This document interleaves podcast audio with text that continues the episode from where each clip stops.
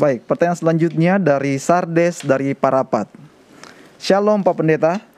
Saya mau bertanya tentang Wahyu 13 ayatnya yang ke-13 tentang api yang diturunkan dari langit oleh binatang yang keluar dari dalam bumi. Apakah itu api sesungguhnya?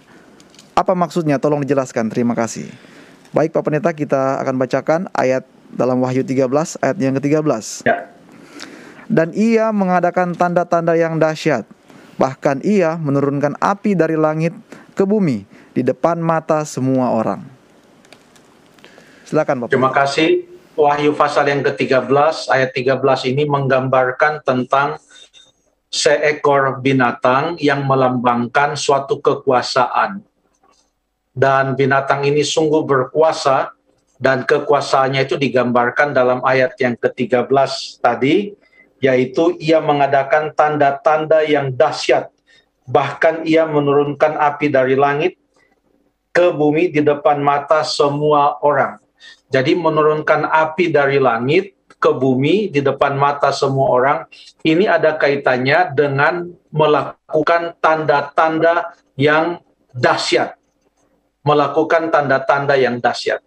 Lalu mengapa tanda yang dahsyat itu dikaitkan dengan api yang turun dari langit? Kenapa tidak dikatakan api yang terjadi dengan sendirinya?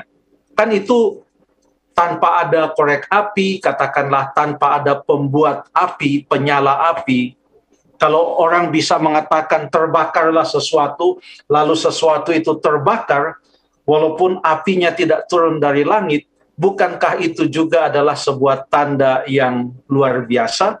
Tapi mengapa di sini tanda yang dahsyat itu dikaitkan dengan bukan hanya saja api, tetapi api itu turun dari langit. Mengapa demikian? Bahwa api itu turun dari langit. Atau turun dari sorga. Karena kata langit, Uranos, dan kata sorga, Uranos adalah dari satu kata yang sama dalam bahasa Yunani. Bisa diterjemahkan api dari sorga, atau bisa diterjemahkan juga api dari langit. Kenapa api itu harus dari atas, dari langit, dari sorga, dan bukan api yang terjadi dengan mujizat sendi dengan sendirinya tanpa turun dari atas. Jadi ada latar belakangnya di dalam Wahyu pasal yang ke-13 ini. Karena ini adalah bahagian dari suatu cerita pertentangan antara yang baik dilawan oleh yang jahat.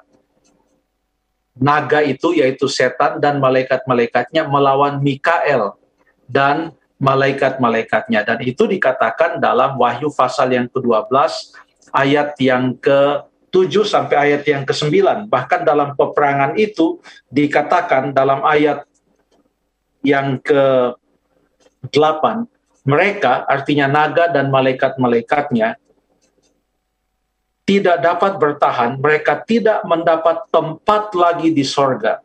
Dan naga besar itu si ular tua yang disebut iblis dan setan yang menyesatkan seluruh dunia dilemparkan ke bawah, ia dilemparkan ke bumi.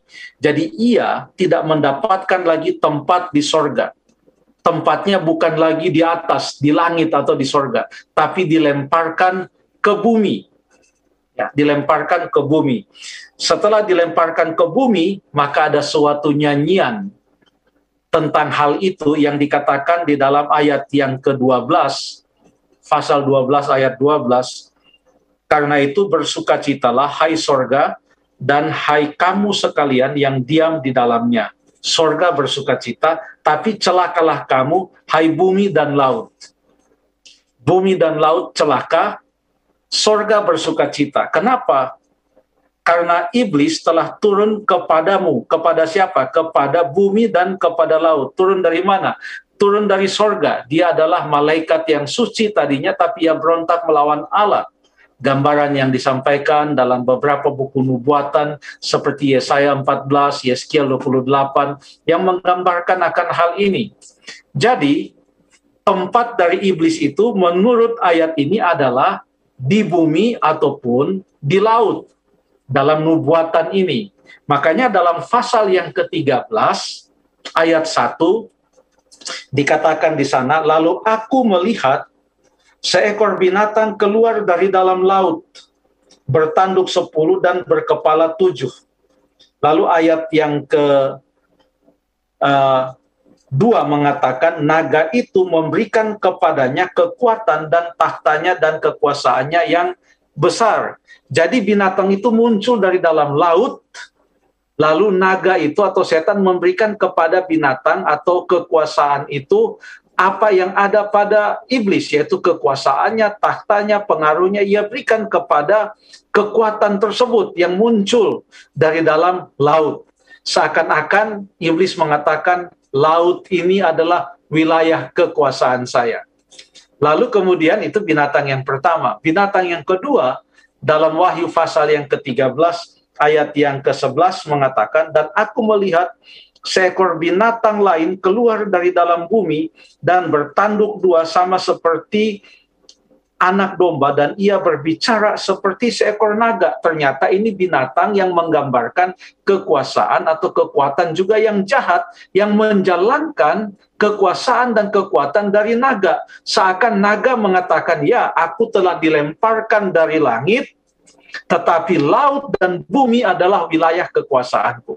Sekarang binatang yang dari dalam bumi itu yang juga menjalankan kekuasaan naga dikatakan dalam ayat 13 yang ditanyakan tadi, ia mengadakan tanda-tanda yang dahsyat, bahkan ia menurunkan api dari langit ke depan mata semua orang. Tujuannya adalah untuk apa?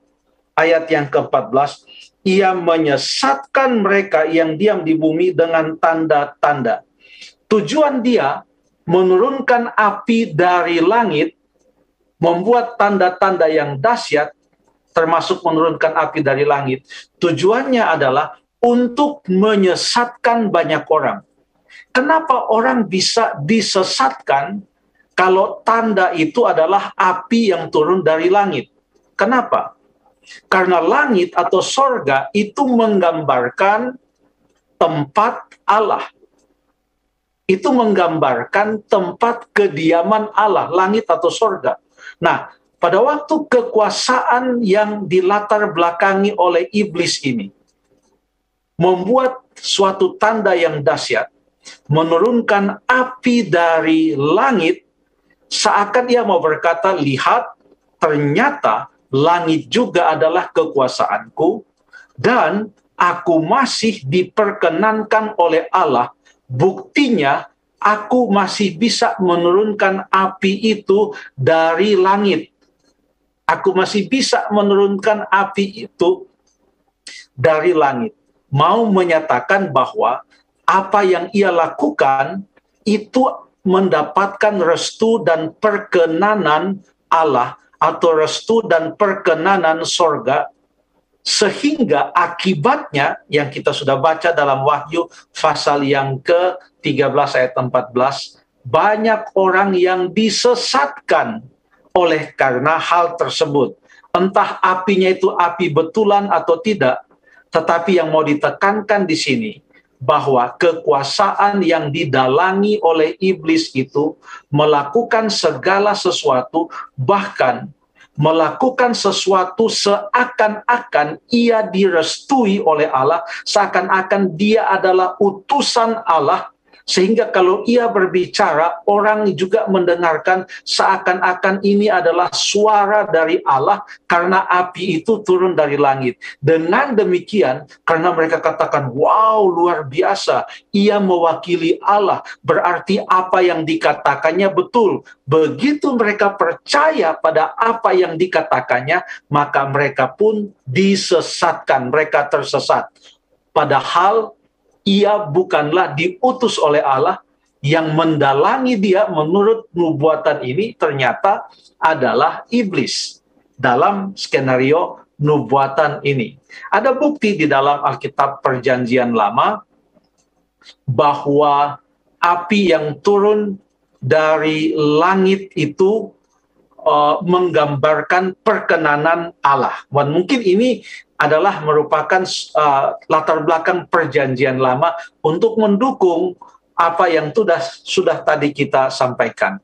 Coba kita baca di dalam satu raja-raja pasal yang ke-18 Satu Raja-Raja pasal yang ke-18. Ini pada waktu terjadi suatu uh, kontes antara satu nabi Tuhan, yaitu Nabi Elia, melawan empat ratusan nabi Baal. Kita lihat dalam pasal yang ke-18, kita baca ayat yang ke-38, tentu kita tahu ceritanya bahwa kontesnya adalah sebagai berikut. Siapa yang bisa meminta supaya korban itu dimakan oleh api yang bukan dibuat oleh manusia, maka itulah nabi yang benar. Maka nabi-nabi Baal itu sampai berteriak-teriak, menoreh-noreh tubuh mereka, berjingkrak-jingkrak, berseru-seru sampai parau suara mereka, memanggil-manggil Baal untuk menurunkan api atau membakar, untuk membakar korban yang ada di mezbah yang sudah mereka buat. Tapi tidak berhasil. Begitu tiba giliran uh, Elia untuk berdoa, maka ini yang dikatakan oleh uh, Elia. Kita baca dalam ayat yang ke-36, mulai ayat yang ke-36. Kemudian pada waktu mempersembahkan korban petang, tampillah Nabi Elia dan berkata, Ya Tuhan, Allah Abraham, Ishak dan Israel, pada hari ini biarlah diketahui orang bahwa engkaulah Allah di tengah-tengah Israel dan bahwa aku ini hambamu dan bahwa ada firmanmu dan bahwa atas firmanmu lah aku melakukan segala perkara. Lalu kemudian itu ayat 36 setelah dia berdoa maka di ayat yang ke-38 dikatakan lalu turunlah api Tuhan menyambar habis korban bakaran kayu api, batu dan tanah itu, bahkan air yang dalam parit itu habis dijilatnya.